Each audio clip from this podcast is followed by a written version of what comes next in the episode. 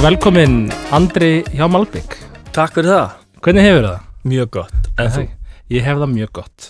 Gott. Við erum að södra hérna jólakisa sem var, hvað sagði maður, dósæri dag, Já, bara áðan bara áðan. Hvernig svona uh, er jólasísunni búið að fara í ykkur hjá Malbygg? bara ágætlega, við erum mjög glæðið með að þetta er síðasta átöpin af jólabjór hjá okkur Við Já, vorum að ok. klára held ég bara núna Svo erum bara ekki meira. Ekki meira, Nei, við vorum að dósa bæði jólakísa og jólasopa Já, gekkja. farið þá bara aftur að brugga bara fasta tegundunum ykkar Já, já, næs Já, jólasopi er vantarlega versjón af sopa. Hver er, þú veist, hver er munurinn á jólasopa og vennilega sopa? uh, Sko, það er ekki- Jú, hann er 4,2 meðan sopið er 4,7 Já. og við í rauninni sleppum alveg karapils í jólasopa. Það er bara pilsnum allt hveiti og hafrar. Og það er engir suðhumlar í honum bara Whirlpool og Dryhop og það er Single Up Simcoe humlar og það er engir Simcoe humlar í sopa þannig að hann er eiginlega bara allt öðru sig. Já, einmitt. það er þægilega bara- Já, bara eini, eini sammeðlegt er að þetta er session nipja Já, og já. hafrar og kveiti og, og heitir sopi. Og heitir sopi já. já, hérna hann bara selur að setja jóla fyrir framann já, bara sem er alltaf leið já, já, já, hérna þeir eru búin að vera með eitthvað svona jóla-event núna, það ekki á Jú, Malbygg? jú. Hvað voru með, þeir voru með jóla-bingo og pubquiz Uh, það er bing, bingo og pub quiz svona in the pipelines ekki, það það er ekki það er ekki búið, það er eitthvað á dagskráni sko. ekki, ekki auglýsa það, hvenær er það? ég veit það ekki sko. hérna, ég steini er að fara að gera eitthvað bingo á einhverjum tímabóndi og mási pub quiz á einhverjum tímabóndi ég veit ekki, ég, hérna en það er næsta event er, er sem sagt kisa event Já, heyrðu, það er geðveikt. Það var pressa aftur að koma út þetta fyrir event. Djúvillir í til það. Já, þetta pressa og klippar er sko, það ekki- er klippa það að koma þessu út sko. já við bara gera það ég veist að gegja það, það er kissi tap takeover. Já, að þetta kom nú til út að við vorum með hérna barreleitst útgáfa af hérna villi kísa já, sem hérna já, við vorum að sitja á kúta og við bara meikum ekki lengur að sitja súra bjóra flöskur. Það er bara svo mikið vesinn eitthvað. Þannig að við sitjum bara rosa mikið á kúta. Já. en við ákveðum að gera svona flip útgáfur af þessum bjór. Mhm. þannig að það verða svona mismunandi versions af þessum bjór. Og síðan er líka venjulegu kísi, jólakísi ein svona ananas grín útgafa af jólakísa Mhm. já og síðan erum við náttúrulega ekki með partus annars hefði það verið fullkomið það er náttúrulega Hann köttur á hátt Já. þið eru með svona dýra þema já, Já. já, Sko, ég er með svona pínu svona, ég man að ég vann með bergi sko á bryggjunu brugghúsi þá var ég á barnum og eitthvað svona með geggjaðan áhuga á brugghúsinu sérstaklega. Og svona eiginlega held ég eina ástæð fyrir því ég sóttum að vinna þarna var því þið ætla að fara að brugga einu bjór og þar var bergur að brugga. Þar var hann aðeins byrjar að kýtla í þetta hérna dýraþema. Já Hann var með litli grís. Litli grís, litli grís. Það var geggjað bjór. Hann er í, hann er í bjórbókina hann kraftbjórabókinni Litli grís við minni það Það var, hann var alveg svona, svona old school IPA, var það ekki? Hann var alveg svona, hann var ekki skíjaður og, hann var ekki skíðaður en hann var samt alveg mjög frúti og Já. einmitt, hann var bara, ég myndi mann mjög vel eftir þegar hann kom og gerði hann og, já, bara geggjaði, sko. já, frábær bjór Já, og bara allt, eins og allt sem að Bergur var að gera bara á þessum tíma þar, sko. Náttúrulega öðruvísi en gerði að Malbygg, sko. Og, en bara, Bergur hefur verið með ykkur frá upphafið ekki Jú. hvenær byrjaði Malbygg? bara við förum kannski bara uh, fyrsta bruggið var ég held að höfum bruggað fyrsta bjórin bara fyrsta februar 2018 hann var allavega tilbúin fyrsti bjórin á tank á hérna Keksfestivalinu hann 2018 mm, og þá vorum við með pilot systemi, systemið á fullum, við vorum alveg í svona stressi að ná að vera með einhvern bjór þar Mhm. Þannig að við vorum alveg með einhverja 5-6 mismunandi bjóra en bara einna en var úr brugghúsinu, hitt var alltaf pilotkerfinu Já, Mhm. já. Hvað bj- bjór var það? Mástu það? sem við gerum fyrst Já, það var 500 lítrar af bjór sem hétt bara Galaxy Pale Ale já, og gerðum aldrei aftur nei, ok en Ekki Galaxy, Galaxy. Nei, nei, nei, þetta var, þú veist, hvort það var 5,5% eða eitthvað, ég man það ekki nákvæmlega en hérna, bara svona léttur pale ale með fullt af Galaxy humlum mm. og já, og síðan eiginlega næstu tvö böts af bjór sem við gerðum voru sopi já, sopi og Galaxy. Og doppelipja sem hétt Guttlari já, sem fóð bara á kúta og kom ekkert aftur sko. Var, var markmið með Malbygg alltaf að verða svona New England brugghús? Eða var það bara sem þið bara gerðu bara að því það eru bjóri sem ykkur finnst góðir skilur Já, Eru ég eru meina, þið það var að hund- skilgrin einhver sem New England brugghús? Nei, nei, nei, nei. Nei, við vorum nei, nei, ok. bara að ræða það í dag að það væri nú kannski gaman að prófa þú veist, setja einn bæta við einum EPA sem er þú veist, ekki skíðar skilur. Já, einmitt Já, en þú veist, og við erum með, alveg með bjóra sem er ekki skíðar þó að það sé 90 og eitthvað prósent að Já. New England já, EPA en nei, nei, þú veist, það var klálega það sem okkar áhugi lág, sko já. löngu áður en Malbygg var til, sko Þið voru búinir að fara í einhverja svona ferðið til bandaríkjana, var það ekki?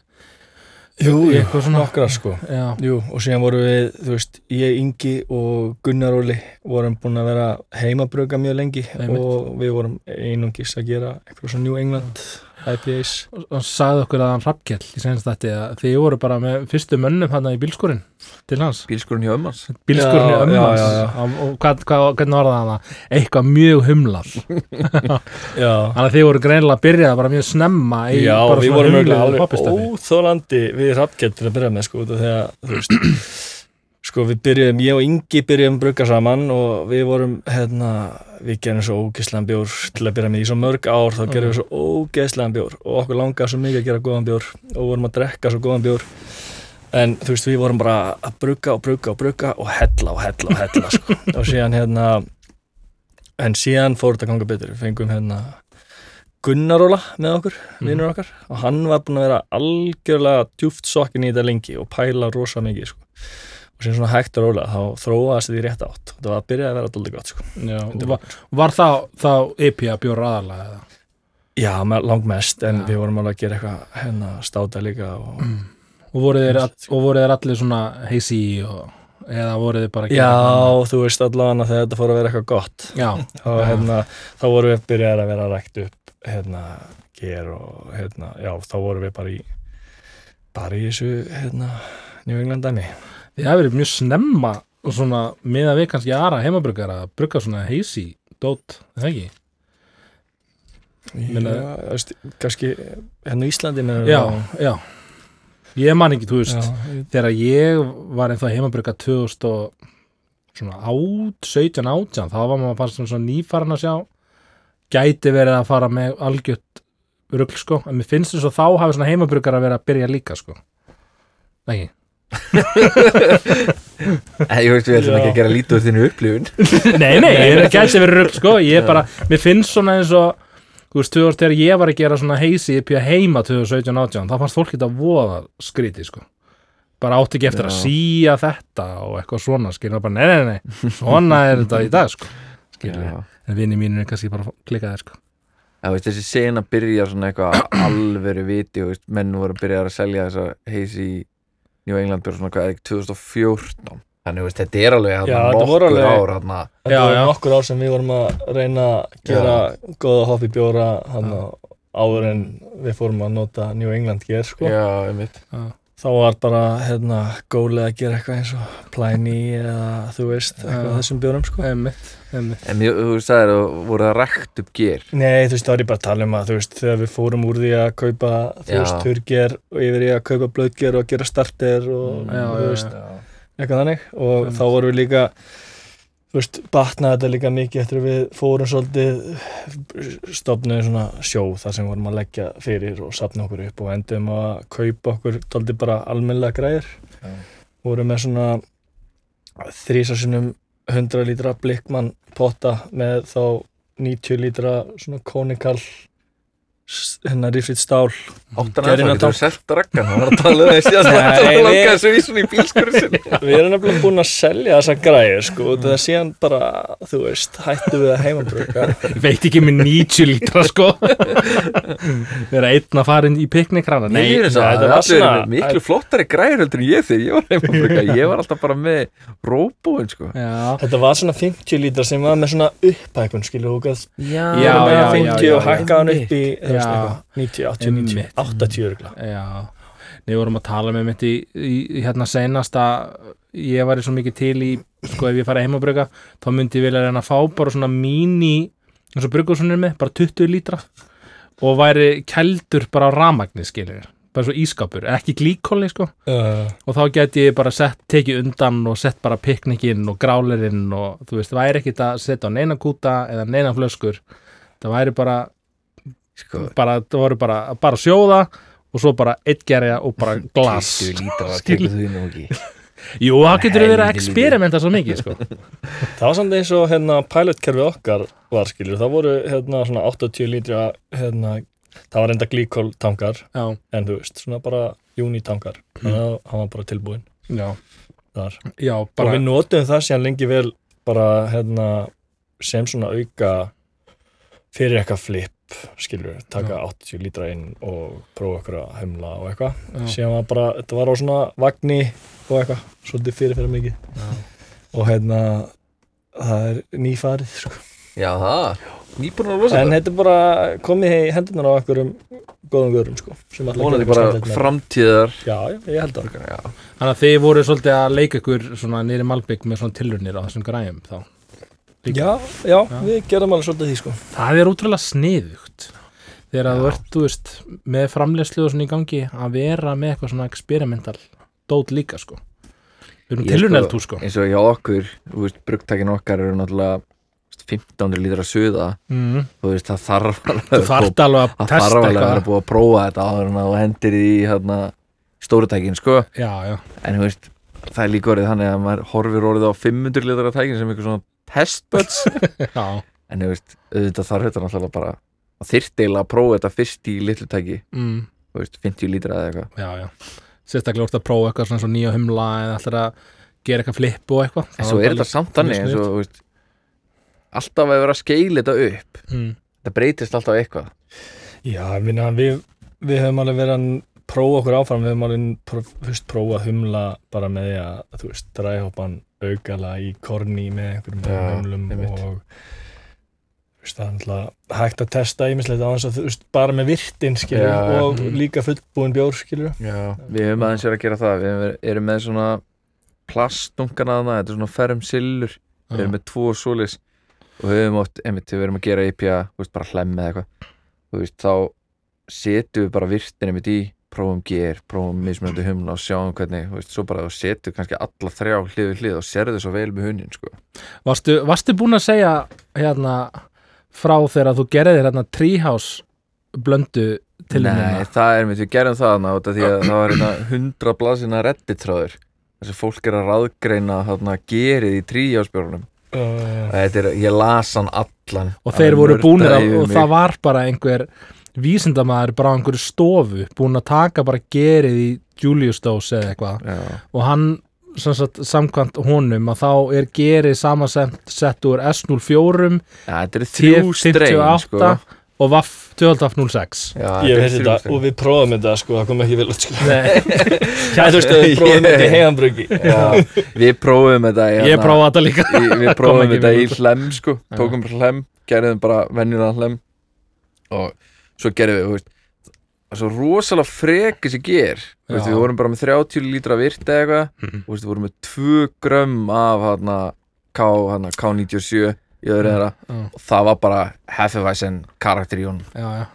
Þú, veist, þú sendir á mig mitt mynda af þessu Treehouse aðna, Tóti og ég sagði, já, þetta verður mjög flottur belgiskur peil einmitt. ég talaði svo um þetta við Sofanias hann náttúrulega, þú veist, ég held að heilin og hon- honum er bara eitthvað svona ger, veist, hann hugsaði ekki um neitt annað en ger Nei. og hann er mitt sagði við mig bara, veist, það er svo ótrúlega sterkur karakter í þessu. Það breytir engum máli þú veist, bara með 1 gram eða 2 gram eða eitthvað. Hann yfirgnaði bara. Já, og þeir prófuðu þetta um daginn. Þá tóku þeir bara og settu hvað held ég, fimm eða sjö gerstofna úti bara aðtök hver var í frekastur. Mm.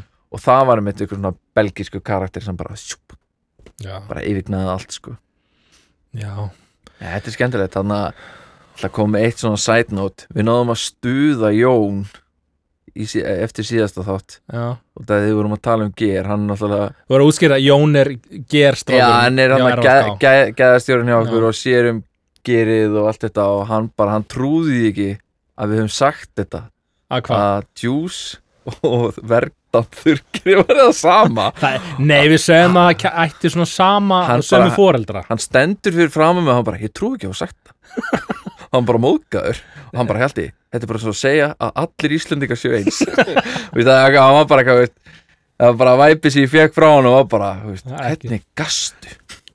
Ja, það er mjög skemmtilegt en hann er einmitt svona, veist hann Ég- er örveru fræðingur eða eitthvað slúðis, eitthvað mentaður í því og, og einmitt veit mjög mikið um ger Nei, mjög sko, gott að hafa eitt slúðis Ég hef uh, lengi haldið sko að uh, Juice og Verdant og örgulega eitthvað fleira. Séu rauninni bara ákomendur af hérna London L3 13 átján. 13 átján Já. frá Vægist, já, Já. það er það sem ég Ég hef alltaf haldið sko. það sko.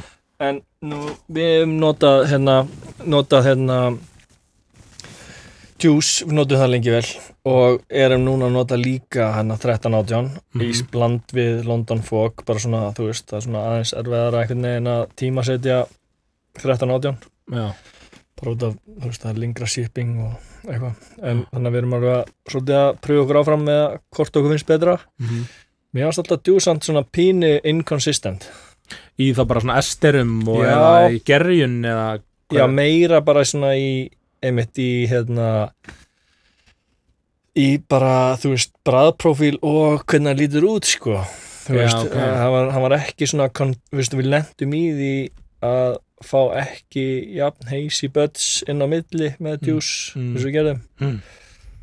En þú veist, við hefum alveg pæ- pælt í að, að fara að prófa það aftur sko. Mhm. Af því að við vorum líka byrjuð með London Fog og færðum okkur sinni yfir í önnur ger og fórum sinni aftur yfir London Fog og þá var London Fog orðið miklu betra en það var já, 2018 sko. mhm. Já.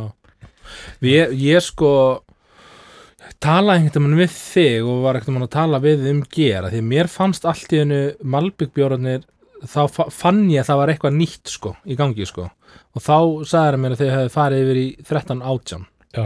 þá var það bara London Ale, já mér finnst einhvern veginn svo London Ale sé svona já, ég veit ekki hvernig maður orða það er eins og sé oft svona sætari bjórin á svona góðan hátt sko Hann endar alveg svona einum til tveimur punktu ofar heldur en London Fog. Já, ok maður finnur alveg svona, er meiri svona sætu svona sæt karmela einhvern veginn finnst mér af London Ale sko finnst London svo fók og verdant það verður oft svona við finnst það svolítið inkonsistent sko. sko. Já, verdant hjá mér hefur verið svona svolítið svo kannski með eins og juice, ég hef ekki prófað juice sko.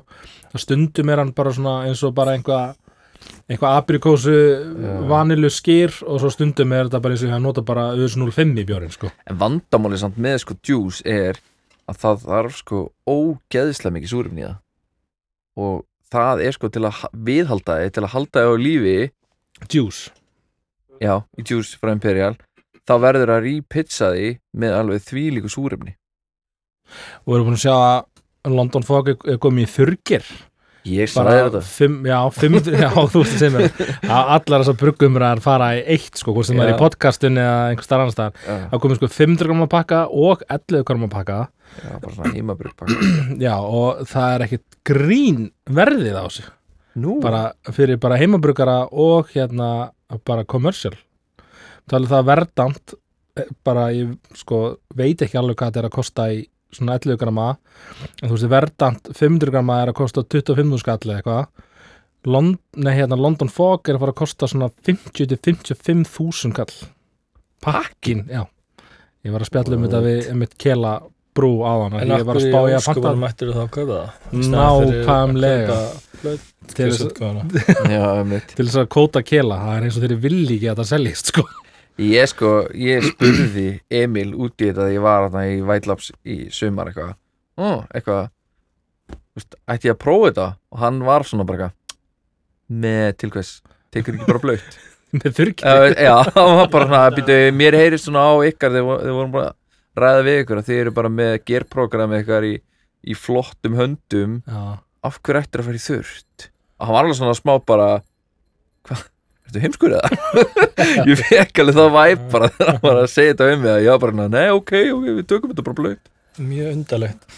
En þú veist, ég meina það er þú veist, þetta kemur vennilega bara ef þú pantar þetta á mánuði þá er þetta komið á þriðutegi sko, þú veist, einmitt. frá Danmörku. Já, Hvernig og þetta endist, þetta, þú veist, í rauninni að þú gætir ekki notað það strax þá er þið með alveg þryggja manna stimpil á sig eitthvað, við notum þetta reyndar alltaf bara mjög fljótt en við kaupum oft tvo pakki einu, þú veist, og störtum annari kynslu eftir, þú veist, eitthvað, tæða þrjár vikur.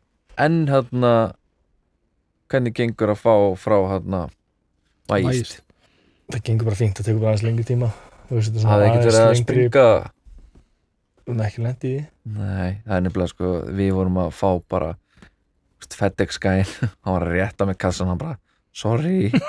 Ég verið að taka nafnið, þú veist það bara lag, bara ger út úr kassanum sko. Æ, ok, og veist bara bíllinans bara, maður sá bara ger út um allan bíl sko. Var það frá vægist eða? Nei, það var frá hérna Imperial sko. Já, Þú veist, við reyndum alltaf að panta við hefum reyndar lendi í einu sinni frá Imperial. Já, við reyndum reynda að panta sko föstu degi og reyna, þú veist, þá er þetta að koma svona mánudegi, þriðu degi Mm. Við vorum að lendi þetta var ekki að koma kannski fyrir setnipartin á miðvíkudegi sko, mm. veist, bara sprungið. sprungið. Maður bara frábært. Og, veist, og svo, veist, bara út af því að það er bara svona eitthvað filma ofan á þessu, hún bara springur svo legur þetta meðfram tappanum og eitthvað. Mm.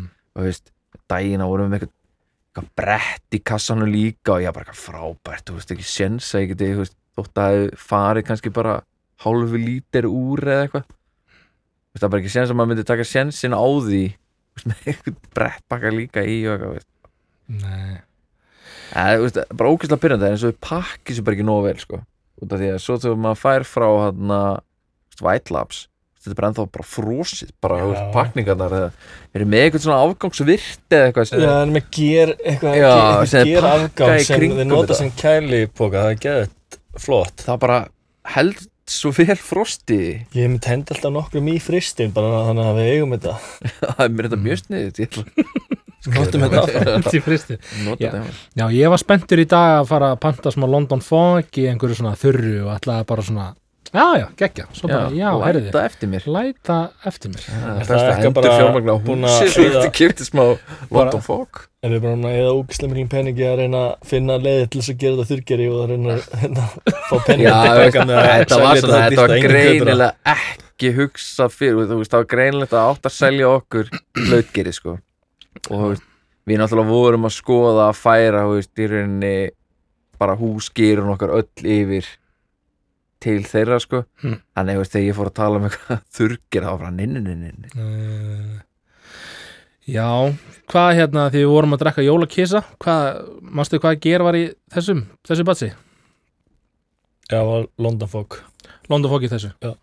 og í jólakisa, mástu? Nei, jólasopa segi Já, ég ekki. bæ, það var bæði Mér finnst hann ógeðslega Mjög góður. næs sko. Já. Ógeðslega góður. Það verður mjög gaman að smakka hlið við hlið sko. Eru þið stundum með, þú veist, einhverja bjóra og eru bara svissa milli London Fog eða London Já, já, við, eða- þú veist ég, við finn alveg svakalega lítið mun. Við vorum komnir inn á það að þú veist, hérna 13 átján væri svona pínu lítið betri en síðan kom Geggjabats með London Fog og við erum bara svona uh, þú veist, þú veist veit ekki, þú veist, en maður líka einhvern veginn getur nýtt aðeins og fær meira magna geri frá hérna 13 átján fyrir sama magna, hún fær meira þú, þú veist, við, ég hef notað splittað, eh, við höfum splittað, þú veist, fyrstu kynnslóð í þrjábjóra Ok. með hérna 13 átján. Ok, um alveg held ég max náð splittað í tvo með London Fog, þú far bara einhvern veginn aðeins meira að gera út líka. Já, ok. Uh, þú veist. En það ég er veit sko, ekki, þú það veist, er alveg svolítið það er smá prósess að fá London Fog til að falla úr.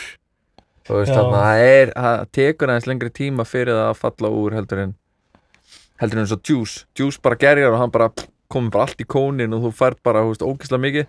Það er, ég finn það alveg núna að það tekur aðeins meira, veist, við þurfum til dæmis að softkrasa bjórun okkar um eina, tvær gráður alveg tvísar til að fá hann til að falla almennilega úr. En hafið verið að nota, sko, þetta er vennilega ekki verið mikið vandamál með London Fog í þessu, allan sérstaklega ekki miða við, hérna, German Lager East frá, hérna, White Labs. Það er ofta alveg bara, að vera kaldur í, sko, gaman að heyra er það því að ég var að setja það í, ég var að setja það í, í bjór í dag.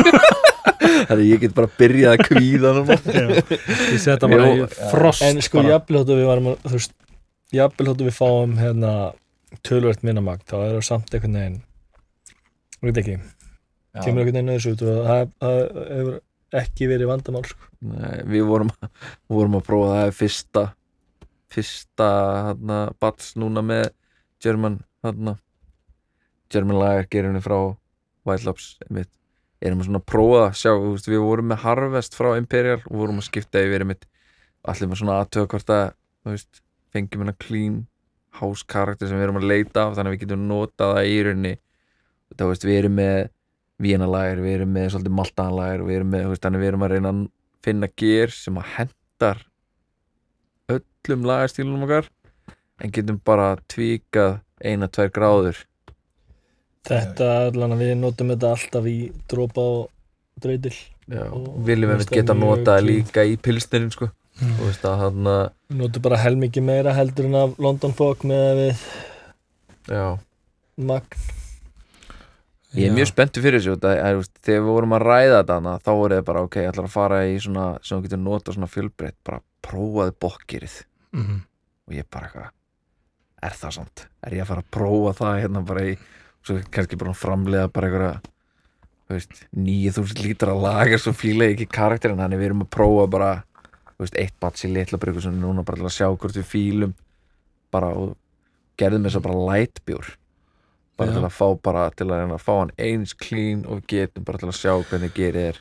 Sko, núna var hérna Steini viðtalið um daginn og þar var, voru datan svolítið í svona umræðum lightbjóra og, og, og hérna og svona bjór, svona bjór og heilsu og svona.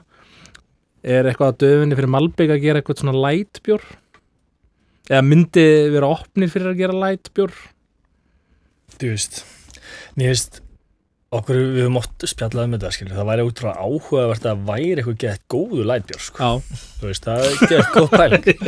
Þú veist, að það væri bara til, þú veist, fáranlega hoppy, nice lætbjór. já Við Eh, erum að pæli að þurfum loka lightbjór sko. Bara- Við vorum bara að pæli að gera bara, þú veist, fuck it bara þegar við erum búin að taka gerið undan bara, þú veist, okkur ekki að henda smá sítur á okkur út í þetta, okkur má ekki vera að bragða á læti gera sko sopa light bara eða, En sko, sko, við fengum, fórum með, hérna, þú veist, jólasópa til átjóðferð í greiningu og þau vorum bara, þú veist, þeir í frétti það, það er bara allt í lagi að gera það og bara fórum með til þess að fá þetta nákvæmlega niðurskori og þá fengum við sko kaloríu fjölda og allt þetta skiljum Mhm. og það var prosla lítill munur á honum og, og light, hvað það var sko, það munaði 5 kaloríum per 100 millilitrar sko. Á jólasopa og light? Eða eitthvað good light eða eitthvað. Já, Það já, á einhverjum veist, light, já, já.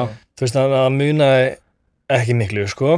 En þú veist það var þá spurningum að nota einhver smá enzím eða eitthvað til þess að fara með hann ennþá neðar. En þú veist við höfum líka prófað það. Þannig að má, eiginlega segja að við höfum gert lightbjörn og við gerðum hann að brútt IPA með hann að Bond Place fyrir nokkur árum. Já, hann endaði í null ok. En þú veist við þurftum líka sko þegar við vorum búin að gera hann og vorum búin að þurrhumlan tvisar þá vorum við bara eitthvað þetta er bara ekki veist, það var ekkit off eða neitt það var bara Nei. eitthvað þú veist, þannig að við enduðum á að þurrhumlan bara aftur sko, þetta endaði bara að vera ógeðslega dýrbjörn fyrir okkur. Og á endanum vorum við bara nokkuð ánæði með hann. En það var einmitt bara það, við vorum bara svona nokkuð ánæði með hann. Já. þú veist, það vantar ykkur að sæta hann til þess að bakka upp humlana sko. Já.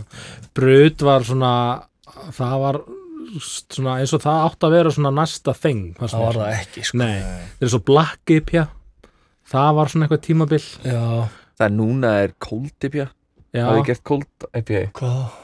Það er IPA Það í rauninni bara IPA gerjaðir með laggeri Hvað er það ekki bara eitthvað India Pale Lager. Já, þetta er samt, þeir vilja sko þeir eru mjög Hvað er harður á þessu er ekki dreitið það þá það? þeir eru mjög harður á þessu ég að þetta það. sé ekki IPL út af, þú veist, það er samt alveg ég sé marga greinar bara eitthvað. er þetta ekki að sama en mér skild sko með Imperial Lion þá er hann sko ég man ekki hvernig þetta er alveg nokkulega þetta er allavega sá sem að gerði fyrsta Cold IPA-in hann í rauninni gerir bara West Coast IPA sem er svona 5% neða 5,56% eitthvað leiðis Já.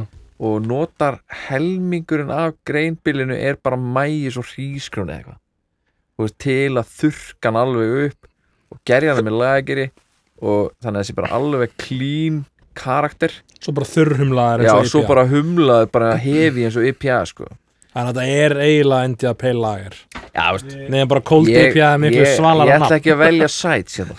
Skilur við prófum samt einn hérna það var hérna ræslager sem við gerðum bara 500 lítrar sem endaði síðan á að vera það var eitthvað aðeins svo mikið súrefni í gangi þegar við vorum að transfera þannig að við heldum að tankunum var fullur þannig að við endum bara með eitthvað 300 lítrar um tank þegar við heldum að tankunum var fullur Já. en við þurfum hann hefili með við 500 lítra þannig að hann enda með mosaik ég heldum við sett sko 6 kíló mosaik í þurrhumlunagræðina fyrir 300 lítra það kom heldur vel út sko en ég held að það sé bara ef þú situr svona mikið magna mosaik Það verður allt gott. verður allt gott sko.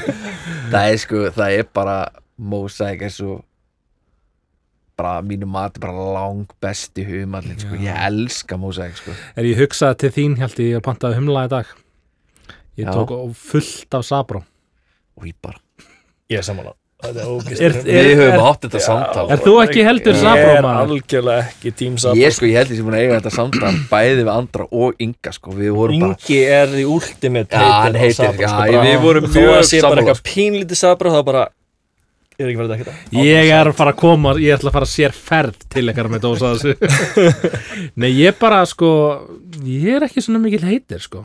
Nei, það er líka bara, þetta er ógæslega vinsilir humlar. Þetta er bara, ég held að þetta sé bara annarkvort fílar það á mjög mikið eða hatar það Ég mjög mikið. eða þú veist, þetta er svona, þetta Þetta er svo ógæslega já. distinkt humall. Ég elska samt þetta konflikt, þú veist, ert Já. bara annarkvört heitir eða lover, Ég er það er geggjað. Mér finnst líka bara svona distinktiv humlarnir alltaf svolítið skemmtilegi sko Galaxy Nelson er svona. upp á humall sko. Já, Já þið, þið, byrju, er, er þið með í, ah, nú man ég ekki, hvað er bjórum áttur? það er í, í Zealand Já, í dropa, er dreitil. og síðan erum við með það í líka á móti sítra í aðalstræti sem er bara Já. fyrir hérna, fiskmarkaðin, skúla og grillmarkað Já, Ég- og sko- uppi já, síðan erum við líka með Nelson á móti reyndar helmingi meira magni af sítra í Pardus Pardus Nelson hérna sítra já, Já. 30% Nelson. Já, það er ekkert langt síðan ég fór á skúla og fekk reynilega alveg brakandi aðalstræti. Já, djöfull er hann góður maður. Það, en við varum að panta líka í dag. En ég var, en ég var ekki að panta humla það voru hérna frá Vakima Sífsamt já, hráefni sem er ekki en óljur eða? Nei. nei, þetta er nefnilega hérna, það hértum þetta fan, Phantasm, þetta er örgulega þetta er alveg pottjett vittlust borið fram en við varum búin að panta þetta fyrir löngu en sem glimtist að senda þetta með sendingu sem við varum að fá þetta er er þetta? Nelson Sofin duftið þarna. Er þetta svo kræjó, Sofan eða? Ján Blank frá já, þetta er unni úr hérna, vínberjum, unni úr vimberja hérna, skinninu og búið að svona, hérna, gera dufti og er eitthvað svona fáránlega frútt í dæmi Þetta er, svo Sem setur notar þau með- erðagreitt en, en getur hvað þurrhumla með þessu Whirlpool Já, sko og- það er, þú veist það, sko ég held að maður bara að prófa sig áfram en, en Whirlpool hérna hefur verið það sem fólk er að tala um að sé komið best út í þessu og er þetta þá eitthvað svona í líkingu við Nelson Humalin eða? Ég veit ekki, Er ég hef aldrei prófað þetta en hérna Ok. bara búin að lesa mjög góða hluti um þetta þetta er bara svona eitthvað sem er gaman að prófa. Og hvað, og hvað er planið að gera með þetta? Það ég er veit það ekki, vonandi bara að fá þetta og hérna prófa þetta, skilur við geðveikt. það er mjög spennandi. Kaupa fyrst, hugsa svo. Kaup, já, það er langt best að gera það þannig. Þetta hljómar eins og kona mín sko. Ég kaupi bara. Kaupa fyrst, hugsa svo. Já, þetta er hérna hafið þið verið að nota svona einhverja oljur og svona Nei, hérna, við erum humla með oljur og eitthvað? bara krí og humla og síðan T90 já, Veistu það, ég er nýbúin að hlusta á ógeðislega gott podcast þar sem var bara fullt á svona New England Brewers, bara sátu eitthvað svona og voru að spjalla á eitthvað. Man ekki hvað podcastið þau, ég geti kannski sett það í bíó eða kynninguna á hana, þættina með eitthvað, ég finn það aftur. Hana, það sem það var að vera að spurja út í þetta, hvort þeir eru að nota þetta hana, þú veist þetta sem er búið að sjóða bara niður, þetta er bara eins og drulla bara, þetta er svo sulta bara einhverjum krukkum og eitthvað. Þeir voru allir búinir að prófa þetta þeir voru bara allir komnir aftur í T90 palunar þú veist, þú, það er öðru sér bræða þessu og eitthvað, þú veist. Þú veit alveg með þetta hop extract Já, dæmi þetta sem hop extract og allt þetta sko. ekki? Spektrum og allt þetta drast. Lupomax er líka eitthvað? Nei, það er bara í rauninni hafa búið að þú veist, frostturka humlana og taka green materiali í burtu Já, það er bara annað branda kræjó þá eða? Já, í rauninni Já, sko. En það er þetta spektrum þetta dót þá er í rauninni búið að taka bara búa til eitthvað svona ekstrakt og eitthvað Þeir voru að segja, þú veist, ógeðslega spennandi að prófa þetta og geggja þess að koma nýja vörur og eitthvað. Þeir voru allir konur aftur bara í, í Cryo, Lupomax eða bara T90 sko. Sko ég skal viðkynna ég vissi ekkert hvað þetta dæmi var þegar ég pantaði þetta nema ég sá bara heil farmstu var að nota þetta. Og síðan sá ég í næsta e-mail að það var, var hægt að reserva eitthvað af þessu ef maður væri fljótu til og ég bara pantaði 40 kíló á þess að vita hvað það væri. Og síðan fór ég að lesa bara hérna Ég elska þetta. Að svo bara, já, já. En ég sá hann að Tríhjás var með að gefa út bjór bara tveim vikur síðan eða eitthvað. Og hann heitir eitthvað bara svona Spectrum nei hann að Phantasm eitthvað svona dæmi. Eitthvað, hann eitthvað út í kringum Halloween eða eitthvað. Og þá er hann nota þetta duft og eitthvað svona dót sko. Já, Eða, þú veist, þessi hann að Sójan Blanc, Vínbermar, þau eru helvíti. Það er að gera allt með þessu. En Nelson eru líka svona alveg love og hate sko. Það er eitt sem að ég er að vinna með sem bara, hann er svona eins og þið með Sabro. Það má ekki vera ein, ein T90 pallet í dræhopinu og hann finnur það sko. Ég er sko elskan að kvítjums karakter sem kemur Ég út, líka sko.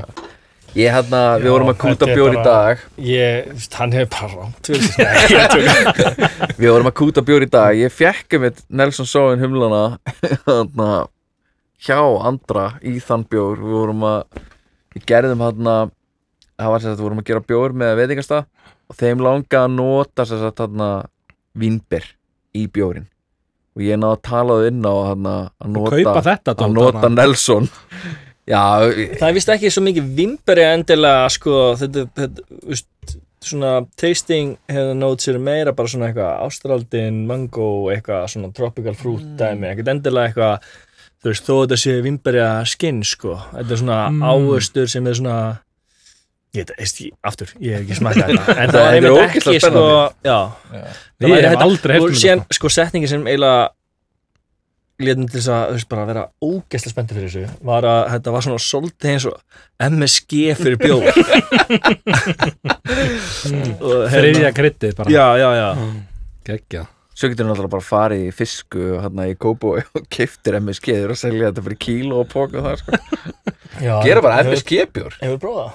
Nei, djúðlir í til það Setja það eins og með, með, söltunum næsta kollab MSG, hérna. MSG bjórin Það er sko þetta sé ekki neitt off-flavor í. Kem bara í ljós. Það er allan að magnast. Ég veit ekki, það er allan áhuga. Já, ég hérna var að gera, var að kúta bjór í dag hérna, það var ógæslega fyndi, ég var á fundi með veitingastæðinni í bæ og þeir voru eitthvað svona, þeim langaði að vera með svona, þú veist, bara gera 500 litra bjór, kaupa hann allan, sögur hann bara á veitingastæðinu sínum og þau voru með mjög svona klikkar hugmyndir en langaði að setja þetta og þetta og þetta og eitthvað og gegja. Og svo bara, herrið, okkur langar að setja líka, vínber. Og ég náði að tala það inn á einmitt að hérna, nota bara freka Nelson, fá svona vínberja bragðið í rauninni í bjórin á þess að nota vínber. En þetta var svona einmitt bara taldi þau á þetta. Svo er ég bara hvernig í fjandum og ég retta með Nelson? Og ég talaði við Keila og endaði mig ég fekk hann að póka hjá andra. Svo bara hann rétti mig pókan og bara þú veist að þetta kostar ógæsla mikið bara ok tóka maður La- Já, það er vandamáli, hann er nefnilega helviti dýr. Hann er ógeðslega dýr Herðu, ég var að, talandi um að ég var að panta þessu dag Ég sá bara Amarillo er bara hann dýrastu humallin í bænum í dag sko. Hann var bara, Já. hann var bara með Galaxy og einhverjum humlum bara uppi sko. Fannst þess að hann hefði nú verið svona ekki alveg svona er þetta ekki bara, mikil svona bara eftirspurt eins og þú veist, þið kontraktið er það ekki þrjú ár fram í tímana Jú. eitthvað þú veist, bændunir ræktaði það sem er kontraktað þú veist, það er greinlega enginn að kontrakt- kontrakta Amarillo og þá er bara framleitt ógstlega lítið á honum og þá verður eftirspurn og þá hækkar Mhm. verðið Hvað er þið með kontrakta? Já, hjá Vakim Masif en við erum ekki að kontrakta endilega svo mikið af einhverju svona humlum sem við erum að kaupa eitthvað pínu lítið magna af. það er bara svona, þú veist tjekku hvort við getum fengið en við erum að kontrakta, þú veist Sidra, Mosaic og hérna Simcoe og Creo version af þeim, skilur Farið þið þá í svona ferðir og svona röppið og... Nei, við þurfum að fara að gera það. En ef þið ykkur, lítu að standa til bóða ef þið eru að kontrakta Já, já. með, það þá ekki velja ykkur svona blott og eitthvað? Já, maður þyrfti að fara að gera þetta sko. En síðan líka það sko ég, veist, maður þyrfti eiginlega helst að komast inn í einhvern svona pakka sem maður færi með einhverjum sem hefði gert þetta millir sem áður skilur bara vera í sama hópu og einhvern frá other half vera á sama tíma og heil framstöð bara eitthvað, ég ætla að fá það sem hann pantaði allt það sem að þessu segir bara búin það að fara í gegnum þetta oft og veit nákvæmlega sko út það, þú veist, þú getur alveg verið með humla sem lykta fáránlega vel. En síðan bara virkaðar ekki. En þeir nefnilega sko veist. tala um það, þessi brugghús að núna er þetta orðið- orðið meira þannig að þeir fara og segja ég vil ekki þetta lót þeir eru reyna að velja lót sem þeir vilja ekki í staðan fyrir að velja sérstaklega þessi Mm. lót sko. Þetta fara þeir og þeir finna bara ok það er bara hérna kvíðluslikt af þessu mósæk bara við viljum ekki þetta lót þannig þú veist, þetta snýst orðið kannski líka um það bara að þú lendir ekki í því að fá allt þetta lót skilur sem að hinn bruku sem völdu að þau vilja ekki. Og veist, svo getur þau kannski verið allir með mismöndi eins og þú veist, risastóru brugghúsuna það eru bara að reyna að vera með sama bragð ár eftir ár eftir ár eftir ár. einmitt. Þannig þeir kannski er ekkert að velja bestu humluna bara þeir sem eru líkastur humlun sem þeir hafa alltaf verið með. Þannig ég held að vera einmitt mjög frólægt að fara og lenda kannski bara með óður og bara ok, þeir vilja ekki þetta og vilja ekki þetta heldur. Þið, hérna, það hefur nú alveg oft verið talað um að þið þurftu bara að hætta með Galaxy bjórn út Já. Galaxy humlunum. Hva, Hvað voru það lendi í með þann humlan nákvæmlega? hann var bara ekki góður sko. Nei, hann lyktaði fárlega vel. Já. hann, hann lyktaði fárlega vel og bara með þess að sko tilbúin dós virkaði mjög vel. En við bara, þú veist já, hann var bara allt of svona, þú veist hann var svona, svona óþægileg þung beskja út frá svona moldar grammetiskjaftaði sem kom bara einhvern veginn stert í gegn. Mm. bara eitthvað svona ekki alveg í lagi. Og við eigum þess að ennþá, við séum ekki ennþá henda þessu sko, við eigum ógeðslega mikið þessu sko, við eigum Galaxy? svona 600.000 krónur í ónýtum Galaxy inn í kælgóm við ekki bara gerir svo fara bara í bílskunum til ömmu og selja þetta. Þyrftu ekki bara Já, að taka svona, við myndum ekki hafa það í mér sko. Þurftu ekki að taka þetta bara og hérna bara þurrka þetta, gera svona old tops bara og setja þetta í villiöli eða eitthvað? En akkur við að gera það?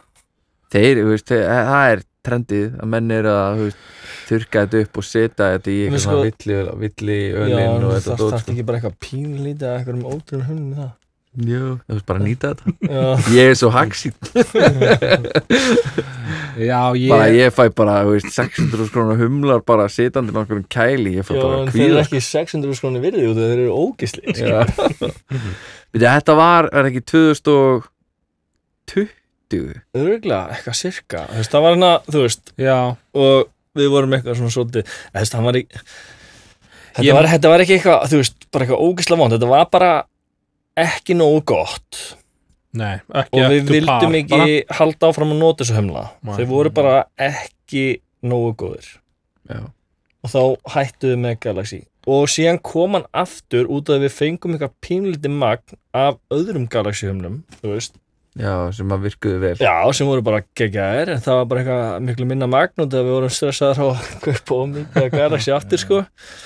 Nú er ég við komið höfum alltaf verið með svona, þú veist erfitt að vera með eitthvað, þú veist þegar maður brendur einu sinna Já, eitthvað svona miklu magni af humlum bara, þú veist en þú veist, Galaxy humlar þegar þeir eru geggjaðir eru bara gjössanlega út í hött góðir. Já, menn þú farað þarna ekki Green hjá Treehouse, er hann ekki Galaxy? Ég held nefnilega sko eins og að þú ert að fara á röpa og velja og eitthvað, veist, þá er þetta akkurat humlat eins og þú vilt kannski velja eins og Galaxy sem eru svo rosalega upp og niður sko. Mm en það veist Treehouse fór bara hann að söðritir og bara hand og valdi sína galaxy-humla sko. En við, við kvörtum undan þessu skilju en þá var bara eitthvað sagt þú veist jú, við skiljum hvað átt við þetta var ekkit frábæri uppskera í ár. En þetta er innan okkar, okkar marka á, þú veist, quality wise. Já, þannig að við ætlum ekki að gera neitt í þessu. Þurfum við ekki að fara að segja þetta á TFR þegar þeir ætla að fara að skila bjórnum Já, bjórin er aldrei vondur en hérna, þetta er bara einan okkar að kærast. Bara þið fáið ekki að skila honum í ár. Þessi jólin þá fáið þið bara ekki að skila. Já, nei, þannig að ég er að fá núna 2023 uppskýra Galaxy. Og veist, bara please guð. Þú, held, þú heldur ótröður áfram í Galaxy.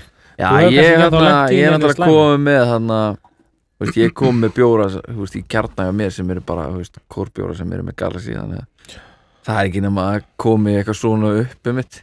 Nei, en þeir kostuðu ekki 600.000 þetta er eitthvað, ég man ekki 60, 60 kíló eitthvað sem segir að fá sko af nýju uppskjörinu sko. Mm 23 ég er mjög spenntur alveg þannig til ég verð söktur allavega, já við vorum að prófa nýja svona nýsjánaska humla um daginn. Hvað heit það er? Ég er búin að kalla þetta síðan við böndum þetta Negatron en það heitir alls ekki Negatron. Nektaron Negatron, Já. það er Negatron flottara en hérna Negatron Negatron. Ljóma sem svo transformið sem all Geðvægt gera svona lítið bats að pöndu, panda er nefnilega, þú veist, þá erum við með svona rotating hops, hann er aldrei alveg eins.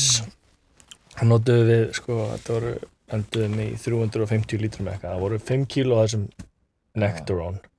Og tæplega eitt af Simcoe Creo.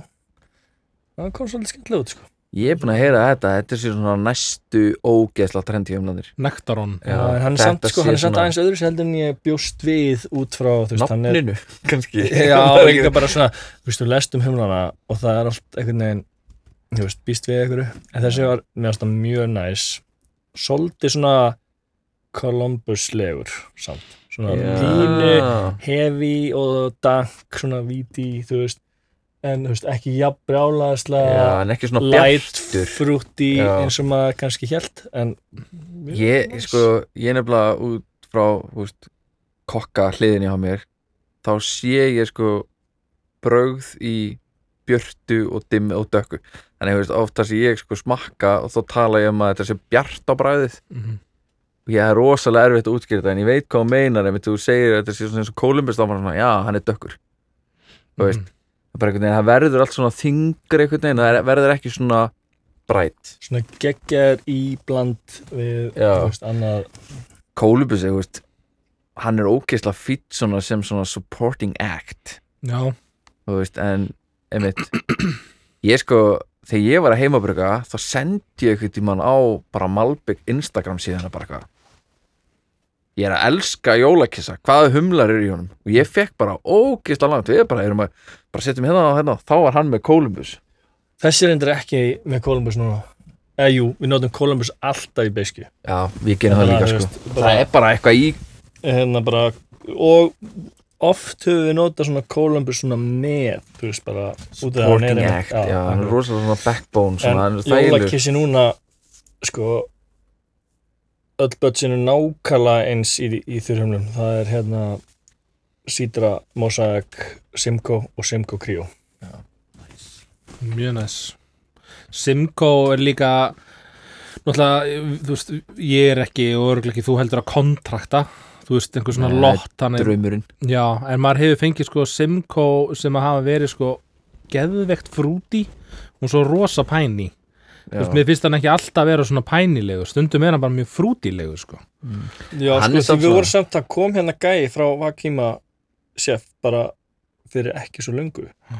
Og hann var einmitt að tala um að Simco í ár væri geggjaður en að Simco in general væri einn af mest konsistant humlunum. Já, Það var að tala um það, ég, Já. þannig er aldrei, ég, ég hef aldrei lent í vondum Simco, Nei, sko. einmitt. en hann er stundum svona fyrst að meira stundum svona pæni eins og maður er skilgrann það ekki bara Simco hvar þú notar hann þá Ég er bara alltaf að nota hann dræhóp held ég sko og svo stundum hefur hann meira, fyrst mér hann að vera við meira svona frúti-is sko Vist, ég elska Simco eins og við erum að nota Simco í sko ambirinn okkar mm. Simco það er er bara ógeðslega næ sko. geggjaðir í allt sko bara geggjaðir í allt sko Nótum Simco mjög mikið en það er líka svona veist, svona, hann, er, hann er líka bara mjög spes eins og þú varst að tala um aðan humla sem er með svona sé, eða svona sérstakt enginni og sitt þeng. Mm. þú veist, það er rosalega ofta svo stingur nefun í bjór og bara, ah, Simco og það er svona alveg Mhm. mjög svona einhvern veginn svona, maður fyrir að þekka Simco bræðið og lyktina.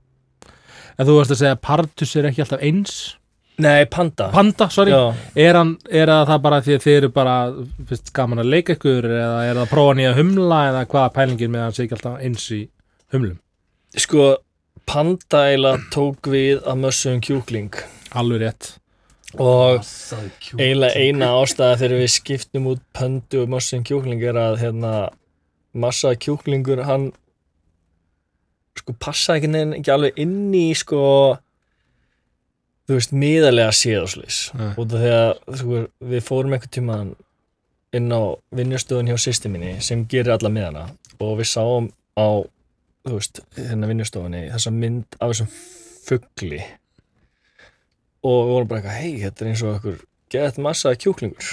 Bara, ok, við þurfum þetta að miða veist, þurfum þetta þurfum miða með þessum fugli og hann heitir massa kjúklingur. Og hún held þetta að væri stát og það var það er svona, svartu bakgrunnu og svoleiði skilur og hérna, og veist, allt í góð og síðan bara þá fitta hann ekkert einhvern veginn inn í Já, alla dósnar eru alltaf svona bjarta já, já, litríkar en, en státarnir er allir svona svartir. Og síðan ákveðið bara einhvern veginn að breyta til. Og við breytum alveg uppskriftinu líka, skilur en massa kjúklingu var líka svona, þú veist, við vorum alltaf eitthvað að því að það er svo leiðilegt, sko við getum ekki verið alltaf að sækjum nýjan bjór í hvert sem við viljum breyta einhverju. Og þá bara setjum við inn á untapt eða eitthvað að það sé mismunandi humlar í honum, hann á ekki Já. að vera alltaf eins. Var, var massa kjúklingur líka, þú veist, voruð að leika með meira en bara humla, mér finnst þess að minningunni svona hafi stundum bara verið bara öðruvísi, þú veist bara eitthvað síðan öðruvísi greinbíl líka eða eitthvað, er það ruglega? Já, já, það, eða þú veist við vorum alltaf með sama greinbíl í honum. En, en síðan bara humlanir sem voru það bara alltaf svona mikið verða, þú veist, nú er þetta þú veist, alveg örgulega mikið, þú veist, það er stór hópur sem kaupir alltaf malbíkuruna finnur aldrei fyrir svona bara eitthvað þú veist, er þetta meira svona jákvætt bara djöðl var hann góður í okkur síðast kemur ekki svona heit, bara þeir eru búin að eyðileggja pöndu ég er nefnilega að fæ alveg Þú veist. svona bara eitthvað akkur er þetta að breyta þú Já. veist Það er svona Ég dæmis, væp, sko. ég vissi að því að sko Þú veist, ég var alveg til í að stundum að bara, þú veist, eins og núna er ég að vaða eld og brennistein að finna ætta á sjöumla Þú- ég var alveg til að sleppa því bara og setja bara sítur og simkó þú veist, bara, herri, þú veist, og bara láta vita bara, herri, bara, við erum bara lifandi brugghús þú veist, við róturum bara. Ég vissi ekki fyrir nýlega sko að hann væri með rotational humlum. Ég held að bara þú hafi sagt mér það eða eitthvað, ég held ég já, ég vissi að væri einn nefja, ég myndi ekki hvaða bjór það var sem að Mhm. ég heyrði ekkert um hana að svona væri einmitt, þú veist, bara verið að prófa að Mér finnst það skemmt, ég þú- elska það á pælingu sko, mér finnst það gegja en líka hérna Pardus hefur ekki alltaf verið með Sítra og Nelson sko. Nei, við höfum alveg, þú veist, það var hérna ó, það stóluðu mér hvað hérna humat sem við byrjuðum með Strata, Strata byrjuðum með Sítra Strata mm. síðan kláruðum við Strata og áttum ekki Strata og nótið Nelson út af það best, bestu humallinn já, en svo líka bara, veist Hvað ég að gera? Ég að hætta framlega hann bjór? Bara það var erfitt að fá Strata. humul í tvo mánuði eða eitthvað skilur þess vegna er náttúrulega, það er auðvitað ástæðan líka fyrir að þú veist, margir eru með veist, þrjá fjóra humla í bjórunum út af því að þá er minn, þú veist minni, þú veist ef söplur að það er allt í hennu gett ömuleg, sérstaklega á stærri brukusum ef þú ert með einhvern IPA og þú ert með fjóra-fimm humla. Þó að komi lélu uppskera af einhverjum einum humli þá er það ekki að fara að fá okkur bjórnum Andri, ef þú þurftir að bara velja topp 5 humla hvað topp 5 humla að þínum að þetta er bara bestu sem þú notar í bjór Nelson, Sidra, Mosaic, Simcoe og hérna Sem En verstu? Hvað hva, hvað humla hefur notað sem ert bara þetta ger ég ekki á þér sko ég man alltaf eftir bjór sem við heimabrugum með Sorasi Ace. Og það, þú veist, þetta er bara sá humall, hann er hræðilegur. Nú cancelar Masek þér Masek er eini maður sem nokkuð tímann hitt á æfinni sem hefur talað um þetta og hann Sorachi elskir Sorachi Ace. Sko, sko, nú eru flest allir ósamála með það er einn humall sem við höfum notað í Malbygg sem ég er ekki fan af og það er Talus. Hann er samt enga veginn eins og Sorasi Ace en það er svona pínu, pínu pons element sem minnir á Sorasi Ace en það er nóg til þess að ég sé ekki fan á hann Það er útrúlega að fyndi hvernig maður bara grípir eitthvað svona brauð og maður bara mm -mm. Var ekki rappkjæta lofsama talus? Jú, hann var að losa mann. Já, þetta er þess að segja enginn er sammála með þetta. Er eiginlega einn af svona Þetta heitustu humlarum í dag. það er samt bara það er eitthvað og við gerðum bats af pöndu með talus og það voru flestir mjög hann. Já, ok. Og hérna, það er bara eitthvað pínulítið þarna sem minnir á þetta. Já. minnir á hérna, talus og það var bara off. Nei, Já. minn, minnir á hérna Sorasiðis Já, En þú, Raggi, hvað, er þú með eitthvað humál svona sem þú bara forðast eða? Uh, nei. Eila, samt eila Galaxy. Ég notaði hann í jólabjörn í ár af því ég, mér langaði bara að prófa að gefa hann áttu sén sko. Já, þér að kenna aðalega þú er búin að lofsa hann svo Já, mikið. ég og við þyrfti erum þetta gerðum trippulipja saman ég þurfti að vera eitthvað skör. Galaxy prósentum, sko. Ég er alveg talsmaður Galaxy, sko. gaf hann séns aftur og hann er bara orðin betri en hann var sko. Notaði hann ekki miklu magni sko. Nei, ég held ekki sko. En þú veist, ekki eitthvað sem ég forðast. Mér finnst þetta bara allt gott sko.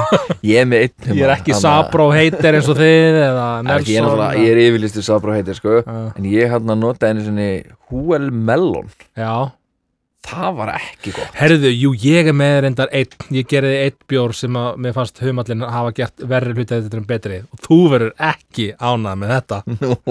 Þá voru Harlequin humlarnir. You're cancelled. Veistu hvað humlar harleikunni er? ég hef ekki hugmynd, ég kem að fjöllum sko. Er sko breskir hum, humlar.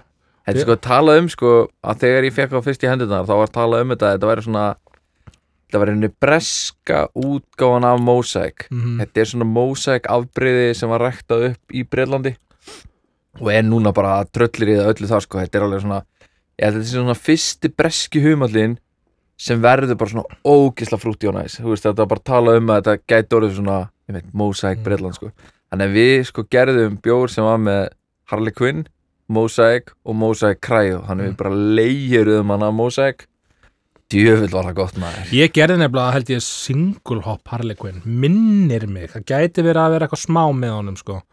Og mér fannst koma, þú veist, oft finnst mér breskjur humlar vera svona grassi og örfi. Það smá vera ótrúlega frúti sko. Mér fannst það bara vera rosa mikið þannig sko. Ég kipta allavega ekki annan boka já nóg að þessu fara lána. Ég er búin að vera að byrgja mig upp að þessu sko, bara þú veist, er til einhvers staðar að bara er, sko. í hlem hjá þér? Nei, Nei, hann er í slip. Slip, já, Já. Ég sko fyrst þegar ég notaði hann þá náttúrulega fekk ég mitt bara einhvern eitt póka í hendurnar eitthvað svona alltaf að prófa eitthvað. Og við gerðum hann við gerum alltaf bjóður einu svona ári með Advanja sem heitir alltaf bara Ölgjörfi 1, Ölgjörfi 2, Ölgjörfi 3 og það er alltaf bara sama uppskrift af korni þú veist, sama greinbil. Við bara breytum gerinu og humlunum. Mhm. þú veist, annars er bjórum bara eins. Og þannig þú veist, það er svona mitt svona bara playground í rauninni. Þannig bara þarna og fyrir svona einhverja eitthvað festival eða eitthvað sem við vorum með í janúar í fyrra þá þarna neldu við í þarna hennan Harley Quinn bjór gerðum bara Mm. sessionu í með Harley Quinn og gerði náttúrulega 1500 lítra. Þeir keiftu bara 500 þannig ég var bara með 1000 lítra sem ég ætlaði bara að vera með svona one-off. Við vorum búin að gera artwork með Jokernum og þetta að vera eitthvað svona svaka Harley Quinn Joker tema, bara one-off og svo bara smökkuðu þannig eigundinni bjórin og þeir bara þetta verður ekki one-off, þetta er ógeðslega gott. Eigum við ekki bara að setja hann í 440 dós og bara þarna bara skýrum og bara slippur og hann verður bara í kór línun okkar? Og ég var bara ok. Já, mjög svona illfáanlegum humal Já, það bara, veist, það var Valli og fleiri komið tími bara, hvernig, Hjalti, hvernig dattir þetta í hug? Að setja hana einhvern bjór svona í, sem voru í söl allt ári með einhverjum humar sem bara ekki sens að fá. Þetta er hálfviti En loksins núna er ég búin að tryggja mér þetta þannig ég fæ hana alltaf halvleikun þannig að það var bara, ég brugga hann held í þrisa fjóru sinum Mhm. Og ég var alltaf að reyna að feika að hann væri eins sko. Já. Þessi jólakissi er bara frábær frábær bjór. Gætur eitthvað svona útskýrt okkur, útskýrt fyrir okkur aðeins svona bruggunina á honum? Er eitthvað svona, þú veist ef einhver vill reyna að gera eitthvað svipað eða þú veist. Já, ef einhver vill fara í brú silla heimi á sér og reyna að gera klóna jólakísa En, þú veist, þú veist það alveg að- Ég mér svo held ég var að mala fyrir hann bara fyrir svo stuttu og ég held ég muni bara nákvæmlega hvað er í hann sko? Þessu 260 kíló af pilsnumelti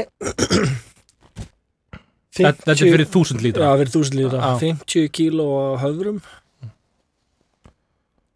Uh, Kveiti flögur 25 Kveiti malta kveiti 25 og karapils 25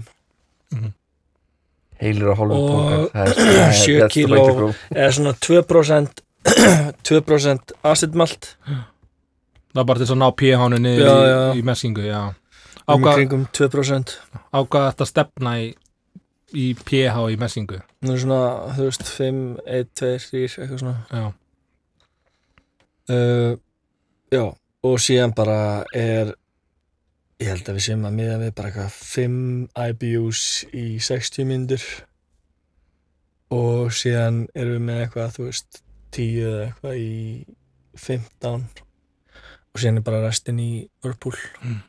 Og lækki niður í 80 Já, eða- já, Sérst, við sjóðum í höst 60-90 mínútur og síðan keirum við gennum varmaskiptin hérna með köldu vatni og náum þessu niður í 80 gráður. Mhm. Og þá sittum við, þú veist 8 kíló eða eitthvað í vörbúlu þessum, eða hvort við sittum hérna 6 pluss 1, komma eitthvað kíló að kríó í viðbót, þú veist. Mhm. Já. og af, af mástu hvaða fimmall í vörbúl já, sko, mér finnst það einhvern veginn það er svona pínu sko, þú veist, í vörpúlunni þá eru það ekki, finnst mér finnst það ekki alveg skipta alveg að miklu máli, en þú veist, Nei. í þessu tilfelli við hefum verið með einhver, svona, eitthvað bland af þessum það sem að við erum með. já, það sem við erum með, veist, við erum í þessum bjór er Mosaic, Simco og Citra þú veist, og við erum með þú veist, eftir svolítið eftir hvernig heitir á bókana í vörpúlunni já, En þú veist, jú, við erum með, ég held að við höfum notað Simco í öllum tilfelli núna í Mhm. vörpúlunu en með einhverju já, aðeins að hinum líka. En síðan í, í, í, í þurrhumlunni hefur verið 5-5, 2,5, 2,5. Þannig að Simco er 2,5 Creo, 2,5 uh, T90 og síðan 5 kg Citra, 5 kg Mosaic í Hop Towerin. Já. já. Þið eru nýbúinir að fá hoptáður eða ekki? Það er svona tiltölulega Já, sko, kom, það er, það er nú alveg, þú veist, ég veit ekki, sjö Hafið mánu, þið átta náð að- mánu, mánu síðan.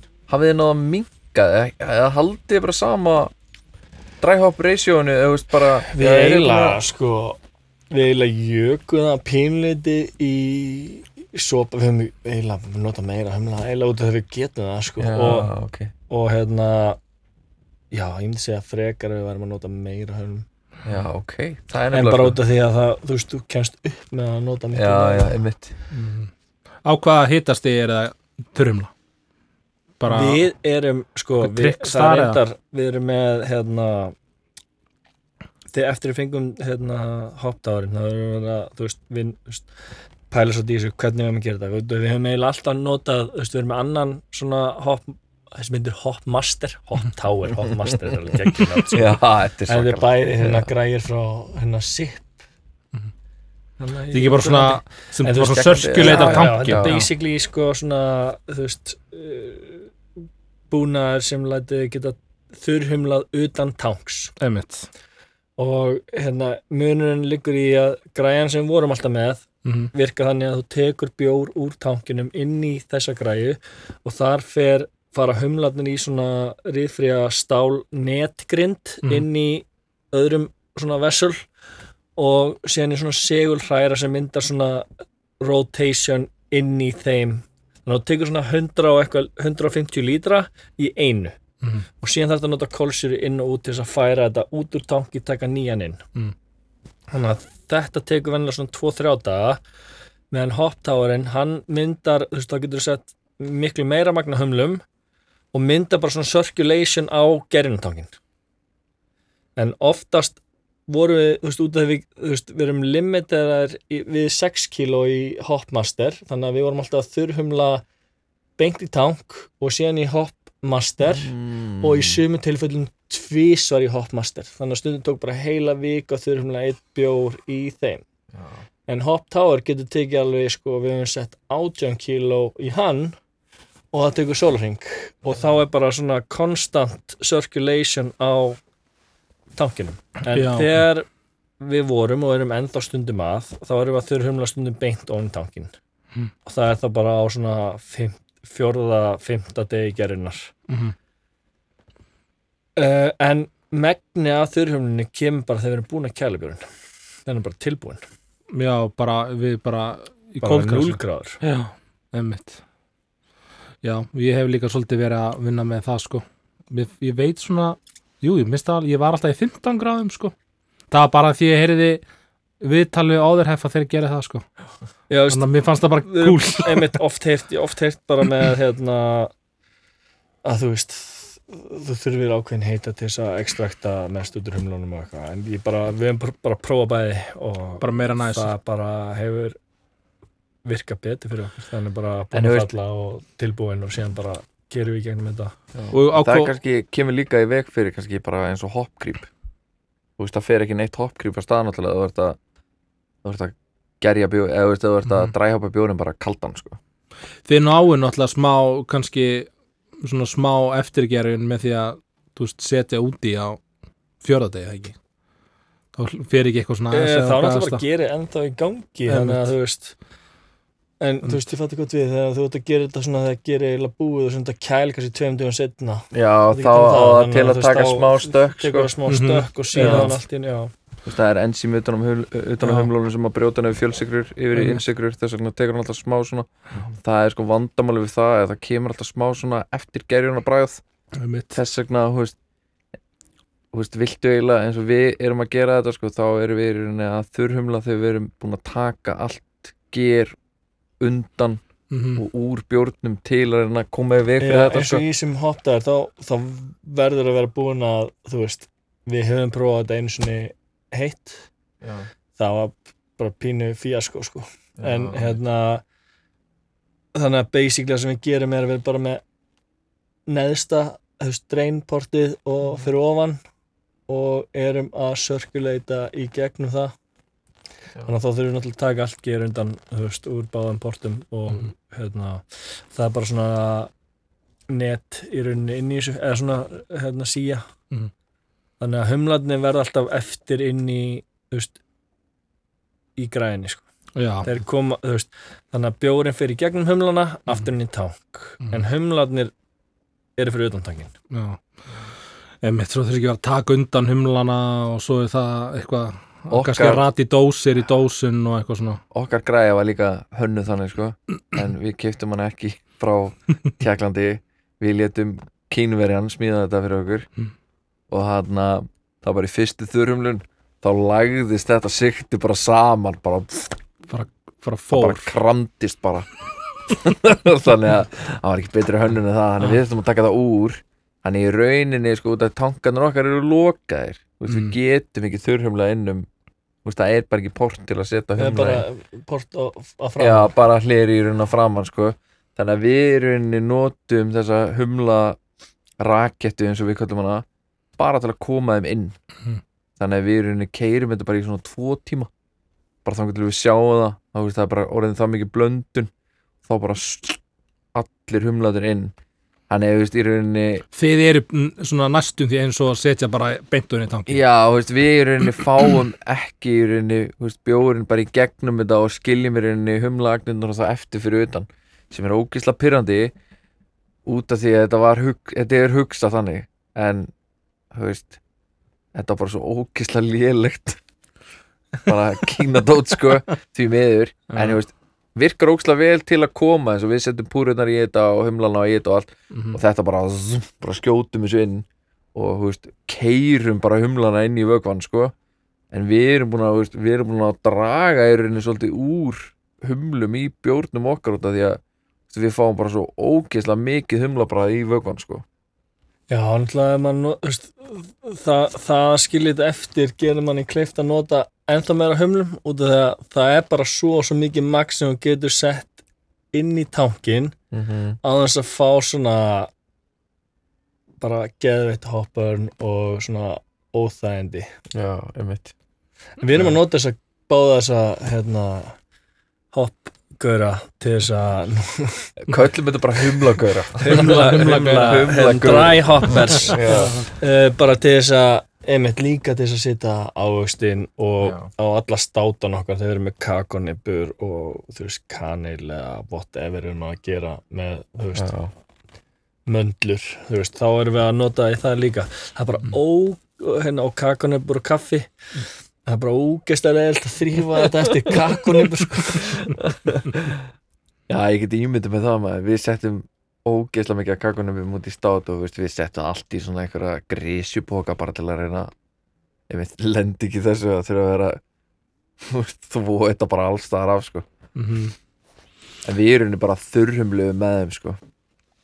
Já, bara beint já, settum þetta bara í nokkra svona póka og bara, þú veist, hendum þessu inn í tank og hann að brössum bara tankin, þú veist.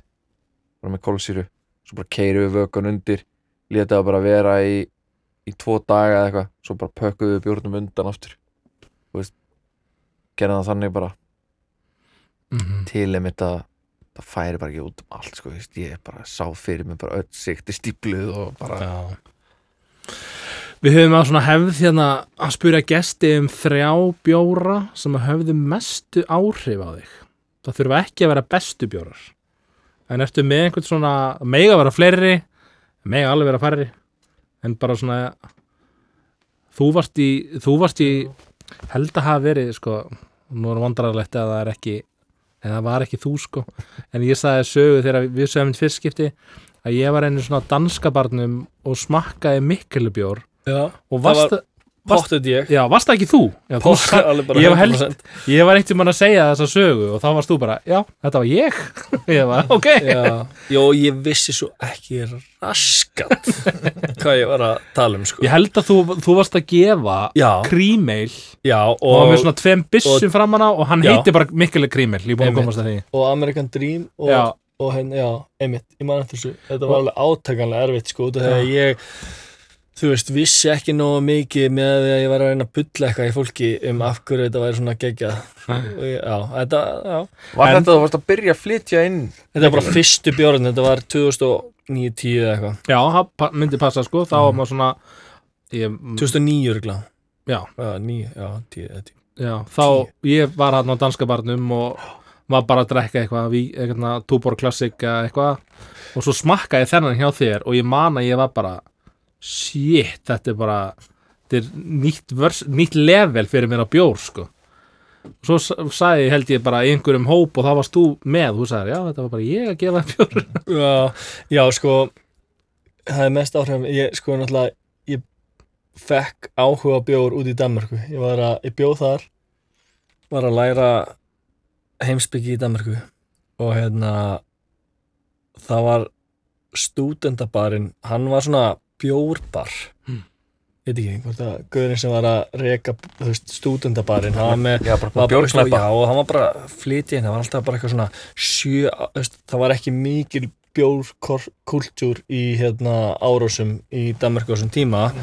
En einhverju þetta vegna var bara ógeðslega mikið alls konar bjór á stúdendabarnum það voru sko einhverju átta mismunandi árgangar að simmei Gekka og þú veist, síðan voru þið byrjað að flytja inn eitthvað, ég held að hann hafi verið að flytja bara sjálfur inn hérna svona ameríska bjóra hérna frá Great Divide Hercules og Yeti.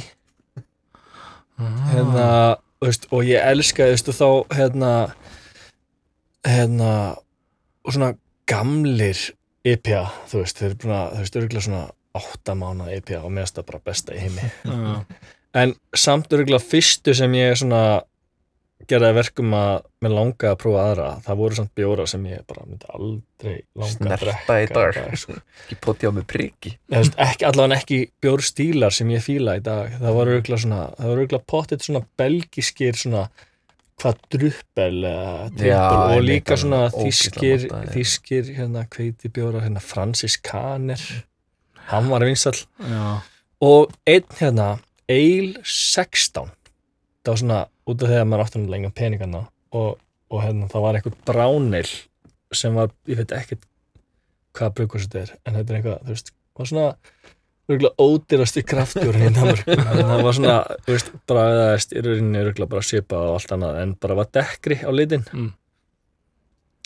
bara manna stóð 16 á honum ég veit ekki alveg Já, já hvaða brugust það var eða Þetta er náttúrulega komið 13 ár síðan. Ég ætla að segja, og, og, og síðan eitt bjór sem ég, þegar ég var að byrja að kaupa svona mismænt bjóra þá varst með Newcastle Brown Ale geðveikt góður.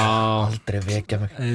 Sko hann var bara svona var geðveikt sætur og bræðlaus en Já. hérna, já, Newcastle Brown Ale hann var alltaf á tilbúði Já. í maturabúðinni, Já. alltaf að kaupa Newcastle Brown Ale Man ekki hvort það var Steina Húsavík eða eitthvað sem hann segja að hann lærði sko, fór í diplómuna í bruggunan á þessu svæði og var að tala um eitthvað þegar hann fór á Newcastle leik og þú veist, hvað er þetta ekki alltaf að kalla Newky Brown eða eitthvað Þú veist, þetta var- bara seldur á vellinum á hérna St. James's Park Mm. út af því að þeir voru sponsor Mm. en það voru allir barir og allir í fílu út af því að Newky Brown var selt til eitthvað svona ógæslega stórst þú company eitthvað, ég man ekki hver keipti það og þannig að það voru bara allir barir búin að cancela Newky Brown í Newcastle. Nema að þú fórst á St. James's Park þá drukka allir Newky Brown sko. Mm. en þetta var bara hann á þessum tíma þá var þetta bara, þetta var lokal brugghúsi þannig í Newcastle. Þetta var ógeðslega góður bjór. Hann er allt öðris í dag. Þú veist, þú myndir smakka hann í dag þú myndir, þú veist, þetta er bara svona meh. Bara ég trúi því. Þú veist, þetta var bara- Í- í- mjög, mjög, mjög ég bara, tíma. en þetta segir líka bara hversu í rauninni bara flatt þessi bjórmenning var hérna á þessi tíma og það var bara einhver, einhver bráneil frá Bretlandi þetta var bara wow, bara er alltaf að gera svona bjór Fáralega stutt síðan að það fór að gerast eitthvað að einhverju viti hérna sko. bara alls ekki langt síðan menna það er, þú veist, jú, jú, það er tíu ár þegar maður var bara á danska barnum að því þar var Túbor Classic sem var ógeðslega góður bjór sko. mm. Þú veist, það er ekki lengra síðan. Eða eitthvað svona Þá fer það- 10-12 ára eða eitthvað. Hvernig fer hérna heimsbygginemi að flytja inn Mikkeler? Uh, hvað ætlar að gera sem hérna útskrifaðar heimsbyggur annað heldur en að, já. Nei, sko, veist, ég, ég, ok, ég, var- ég, hérna, ég flutti uppalega út út af þegar kona mín hérna, var að læra að- fekk, komst inn í skóla í Danmarku og þá var ég búinn að vera eitt ár í heimsbyggju í Íslandi þannig ég fóð bara út sem svona eitthvað, Norplus eða Erasmus eða eitthvað svona skiptinám. Einfaldast að leiðin inn í skólan en síðan bara, þú veist, var ég áfram þar. En já, ég veit ekki, þú veist ég fekk áhuga og síðan hérna kom ég heim og fór að vinna hjá mamma og pappa í hérna gler og var búinn að smita bróðið minn og að bjóra bjórdellu. bjór dellu sko, maður var alltaf sko síðasta árið síðasta árið mitt úti þá var hérna þurri kona minn ennþá að læra og ég var svona byrjaður að flytja heim en var svona flakkand á milli. Var alltaf að koma með eitthvað að bjóra heim og eitthvað búinn að santa svona, svona leggja fræðið sko. Já, já. og hérna já, síðan sóttu við bara um heildsölu leifi fluttum inn tvær palletur seldist ógislilla já það? Já, það seldist það var engin verið tilbúin að kaupa þetta hérna á sínum tíma. Nei, þetta Geinu sinni raggi á danska er sko, þannig að Jú, þegar, þegar þetta. sko, síðan þannig að þá, þá var ákveðið sko svona hvað hefur að gera? Við að hætta þessu? En niðurstaðan var að við tókum sko fimm aðra tegundir og sóttum um þar allar í ríkinu. Og, og við ákveðum að í staðin fyrir að vera með lager auðvist, amerískan lager, tekniskan lager og krímeil þá tók, tókum við belgiskan brettaðan stát 8% brettaðan IPA 10% kvadrúbel og kaffi IPA sem það er og það gekk heldur ekki svakalega vel en þú veist, týndist út og við bættum bara við og, og síðan hérna eh, eiginlega líka sem bjargaði þessu og Ingi hérna, hérna hafði sambandi Brúdog Mm. og þá var svona, þú veist, Brúdog á uppleið Já. og Punk IPA var bara svona frekar framústefnulegur og frekar geggjaða bjór þú veist, á þessum tímabili þetta var bara svona geðvitt aromatik og, Já. Og næs bjór á góðu verði.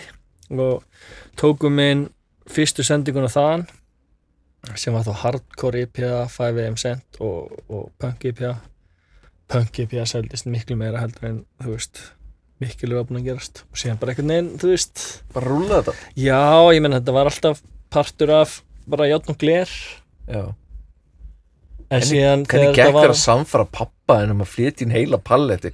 Ég sé að- þetta samtal við pappa minn sko. Það er ekki gengið vel sko.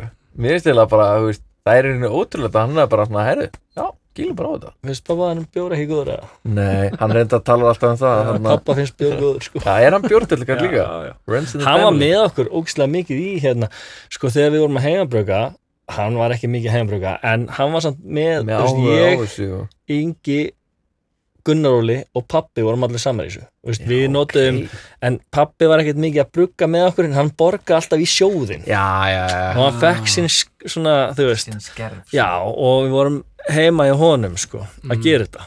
Þannig að hann hefur verið með okkur í þessu alveg frá byrjun sko. geggjað.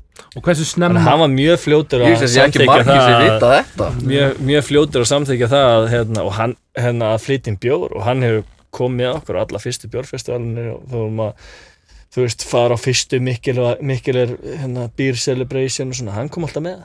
Geggjað þannig sýstíðin hann að með hana og pappiðin flutti inn fyrstu palletuna þetta er alveg bara fjölskyldu fyrirtæki bara út í gegn. Já, já. og, og hversu snemma kviknaði síðan hugmynd að opna brugghús? Þið opnuðu hvað það er 2018 Já, já, veist, 2018. þannig að þú veist, við vorum búin að vera í innflutningi í raun í átta ára eitthvað þegar þetta síðan brestur á sko en ég myndi, það var alltaf einhvern veginn svona Var það alltaf endgólið? Nei, þú veist, ekki svona þannig séð en þú veist, það er einhvern veginn opnaðist möguleiki. Það er náttúrulega kom hann þessi bylgja, allt í henni var eitthvað hægt að kaupa græður, já, þú veist, mjög leið frá Kína já, emitt, sko, það Mhm. var bara, já, já, Hvernig, og þekktuði Berg fyrir eða, já, já, já, já hann var bara Eh, vinnur ykkar já. já, hann var alveg félagi sem við vorum búin að vera saman í svona einhverjum bjórsmökkunum og já, þekktum hann. einmitt. og þ- þið voru þá saman bara þarna 2018 og, bara, og þið voru þá upprálega þið bræðirnir og Bergur pluss náttúrulega játn og glera bakvið voruð þið bara þrýr fyrir Já, þú veist, byrjuðu? já, já. það var bara tí, Malbygg original teimið Já, og mér sem til að byrja með þá var ég að hluta til að vinna í Átnagler, sko. Bara sem svona dagur. Já, og þá vorum við svolítið að vinna Ingi svolítið í bruggusin og ég svolítið líka öst, og við vorum eitthvað skiptu þessu allavega. Og síðan hérna færi Ingi sig uh, meira í Gler en Ingi samt ennþá að gera fullt af hlutum í Jóðki Bjór varandi, þú veist uh, ofta tolla og hann er, hann er líka rosa mikið að hérna, er í sambandi við nokkra byrgjónum. Já, sérstaklega, já, sérstaklega þessa hérna, sérstaklega þessa amerísku. Það við verðum að taka svona one-off sendingar já, frá hérna þú veist eins og toppingu lagað og hérna Já. það sem hefur verið að koma svona já, og frá Other já. Half og þetta dót. Einmitt. Já, hann að en þú veist, hann er minna í, í bruggusinu og hann er meira í játn og glir já, Mhm. já, og síðan hérna kemur steinin rögla 2020 Mhm. já, eitthvað það er ekki já, eitthvað eftir, sirka. eftir Ölfusholt Já, já, eitthvað svona sirka, sirka þá. Og Mási 21 Já, eða 2 já, Mási kemur inn. er Við tókum skipti og Mási Mási hættir í Aroka og þá kem ég inn í rauninni. Já. Hann fór í eitthvað smá þarna smá ævintýri, eitthvað bara ævintýri og svo kemur hann til ykkar stereo og eitthvað svona. Já, já, já Já, það það er örgulega eitt og hálft ár síðan. Já. Hann er nú búinn að gera aldeilis breytingar þarna. Hann er alltaf að koma með svansvattan closet papír ha, það, ég, ég, við grunar að segja, segja hann en sá sem er að gera þessi myndbönd á Malbygg bara Þetta er alveg, sko. alveg content Þetta er ekki smá flott sko. Þú veist, við erum með ótrúlega skemmtilegt efni á, já, þetta þessi Stutti- miðlunum ykkar þessi Hann á það vídeo alveg sko. skuldlaust það er bara, ég, þetta er bara frábært efni sko. já, það er ógeðslega fyndið sko ég sko, læg ef alltaf, að ég um, ef ég var að sjá um social media þá væri það svo fræðilegt sko. þetta er algjört skill að vera góður Já, á svona, á, í svona peppi sko. ég get, veist, ég get ekki ímynda mér heldur veist, hvað mikil vinna á bakvið þetta Þetta, það, veist, þetta er líka bara- augljóslega sko klift í einhverju Já, bara ógæslega vel sko. unnið og þetta er bara já, algjörlega þetta er hann er ekki algjör snillíku þegar kemur öllu svona sko. já, þetta er bara hann má samt ekki rósa á mikið hann var hann bara móntinn sko. þetta var því. súper flott sko þetta, þessi vídeo þetta. En hvað sérðu fyrir þér þú veist? Var hann til klóstpapir Já, varandi klóspapir Já, en hvað sér þið fyrir þið varandi Malbygg, þú veist, heldur að þið munið ekkert um að stækka, eða er þið bara ánaði með stærðina allir eða, einhvern tímann yfir í West Coast eins og við tala um á hann líka? Nei, svona, þú já, geta alveg verið sko. Já, einhver svona einhver, einhver plön Nei, sko, við erum ekki með beint plan akkurat núna um að stekka er það eitthvað sem ég myndi vilja sjá fyrir mér í framtíðinni? Já, já, en akkurat núna þá, þá er næsta stækkun pínu erfið. Já, þú veist, það er svolítið svona við erum búin að sprengja svolítið utan á okkur húsnæðið. Mm þannig að þú veist, það er daldi í það að við getum það er margt að gerast til þess að get, veistu, það, að það það í rauninni næsta við, sko, við náðum náðum að auka framlýstuna á þessu ári með við árið þar á undan með tilkomu hérna, þessar nýju þurrhumluna græði og Mhm. erum búin að bæta við okkur brætangum en við erum líka búin að pakka places við, alveg, við erum á þeim stað að við komum ekki öðrum tankin bara ekki dropi inn í þetta sko. Nei, þannig að þú veist, næsta stækkun er að flytja á nýtt hús- húsnæði og nýtt brugustæði er bara rosa pakki sko. Já, einmitt ekki nema stækkun sé í á okkur um öðrum, er, öðrum er játn og gler líka þarna hvar? það sem að, Já. það sem að bruggúsið er Eða þú veist, í Er sama samtengt? húsi sko er það samtengt við og Já, þú veist þannig séð, þetta er stegagangu niður og Já, við já, já. notum sameigilegan lager að hluta til með Webergrillum ok, þannig að, já. Og við var- erum með, við veist, við, þegar einhver á amali þá förum við í kaffi í játn og við fáum okkur kaffi í játn og gler skilur, Mm. þú veist, þetta er þetta er svona, Bara- Mjög heimilislegt. já. já, einmitt, já. Svo er náttúrulega tapprúmið þarna bundi við. Það var lager að staða það er ekki? Jú, Þetta var bara, þetta var bara svona þurr lager. Jú, jú. Eða þú veist, já, uppræðanlega var þetta bara, voru við með hérna, bara, þetta var lagerinn okkar þegar við, þegar þetta breyttist og bjórin var svona viðskila við játn og gler Já. þá var þetta lagerinn og skristu og allt Mhm.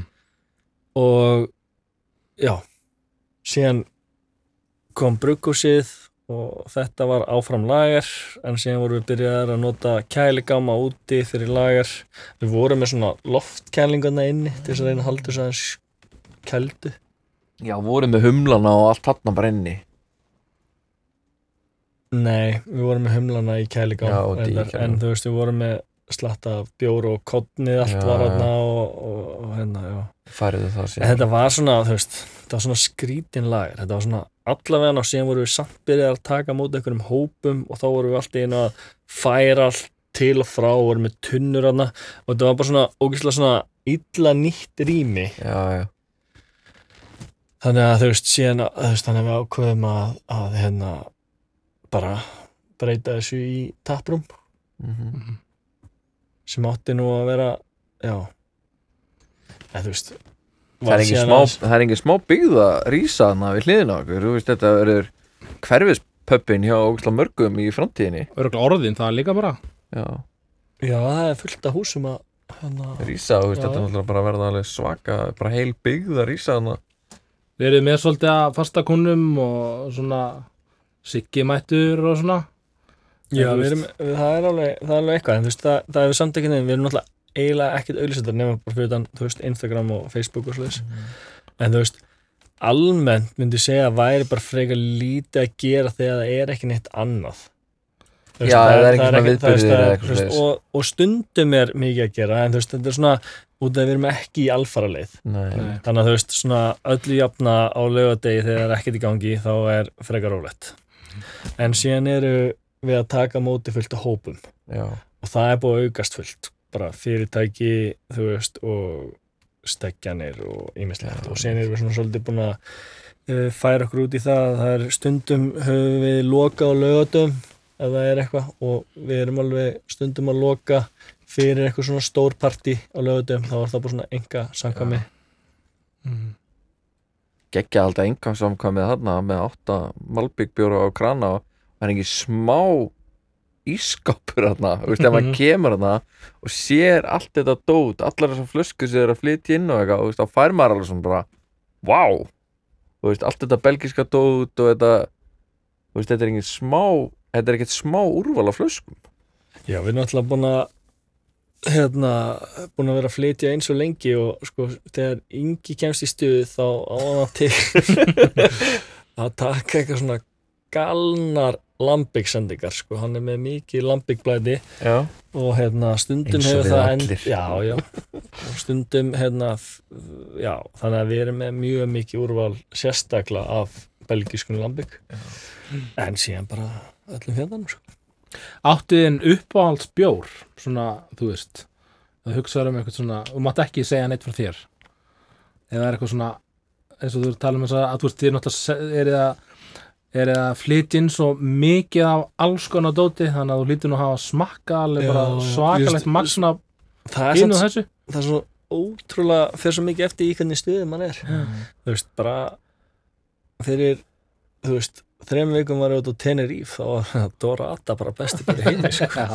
þetta er allt spurningu veist- bara stað og já, stund staðastund Já. sko og hérna í hvernig stuðvert og, og þú veist nei, ég er ekki með neitt Nei. að spjór sko. Nei, nei, nei En uppáhaldsbjónin þinn Ég er nefnilega sko, ég kom tíðinu daginn og þú nefnilega sagði mér það Hvað væri uppáhaldsbjóriðin og ég svo svona margir hugsa sko bara já, Kissi er uppáhaldsbjórin minn eða Sopi er uppáhaldsbjórin minn eða eitthvað En uppáhaldsbjórin þinn er svolítið svona úr annar átt. Minn, Já. já, af Malbygg bjórum. Já. Já, sko já, upp á spjórun aftur þarna er eftir, eftir staðastund en ég er rosa hrifin að þú veist, eins og dreitill fresh dreitill eða fresh dingut sem er ekki heisi þó að ég fíli geða þetta heisi bjóra þá er oft, drekki oft meira af bara einhverjum svona ef þeir eru en það er líka þetta það er yfirleitt- clean. já, já, clean, hoppy, fresh veist, en aftur, þetta er bara, þú veist, gott bats fresh, það er yfirleitt bara það sem maður drekkur er það sem er nýjast, sko öllu jafna. Við vorum saman út í Svíþjóð Núna á hérna, fórum saman á, á brúskival út í Svíþjóð. Já, Það var helvíti gaman hjá okkur En Mjög hérna, mjög gaman. mér var svolítið skemmtilegt að hérna fólk sér oft fyrir sig svona bjórháttíðir og eitthvað þetta sé alveg sko því líka fyllir í því og menn sé alveg á haus og eitthvað. En þegar við vorum að núti þá varst þú að æfa fyrir marathon. Já, þú ert að hlaupa svolítið. Já, svolítið. Þú hljófst hvað, Berlínamarathoni þannig bara rétt eftir að við vorum hann saman. Já, þetta kom hann að hvað, þrem vikum fyrir það eða eitthvað hannig, Já. já, hvernig gekk það? bara fínt, sko. Mjög fínt, Þú klárað? Já, og bara, er þetta eitthvað sem þú gerir bara reglulega? hleypur marathon? Nei, ekkert eitthvað reglulega. Þú getur kannski ekki hleypur reglulega veist. en mér varst þetta bara svo geggjað að þarna, þú veist allir bara í góðu stuði að drekka bjóra og þú, þú vaknaði bara snemma og þá bara ægi Já, já, já, já, við bara fórum snemma. Ég dróð mér þess að berg með mér að hlaupa þetta finnst mér alveg harkar. Hvað ertu búin að vera lengi að svona, hlaupa? uh, Ég veit ekki, þú veist 2-3 ár eða eitthvað, ég veist. Mm. eitthvað slags ok, nice. Er svona eitthvað, eitthvað svona ráði en með passion fyrir þessu.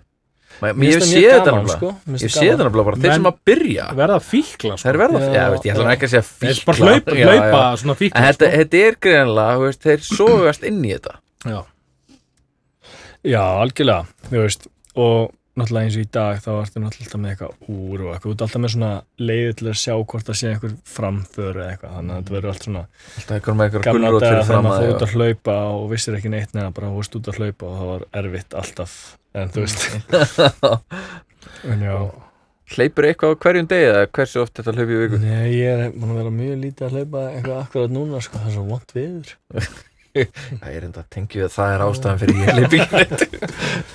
en þú veist, nei, nei, jú, ég það er skemmtilega að hlaupa á sumrin já Þú veist, ég var svona fyrir þetta hlaup þá var ég alveg svona í marga mánuði þá var ég svona sexin mjög eitthvað eitthvað en þú veist, núna er ég bara eitthvað svona off season sko. það, það kemur alltaf á síðan sko. Ég myndi halda, ég geti, ég myndi vera best að hlaupa þegar ég væri svona á svona logn og svona úðarregning Já, það er geggja sko. svona, ah, svona smá bleita, engin vindur það er mjög gott það er reglega geggjað sko.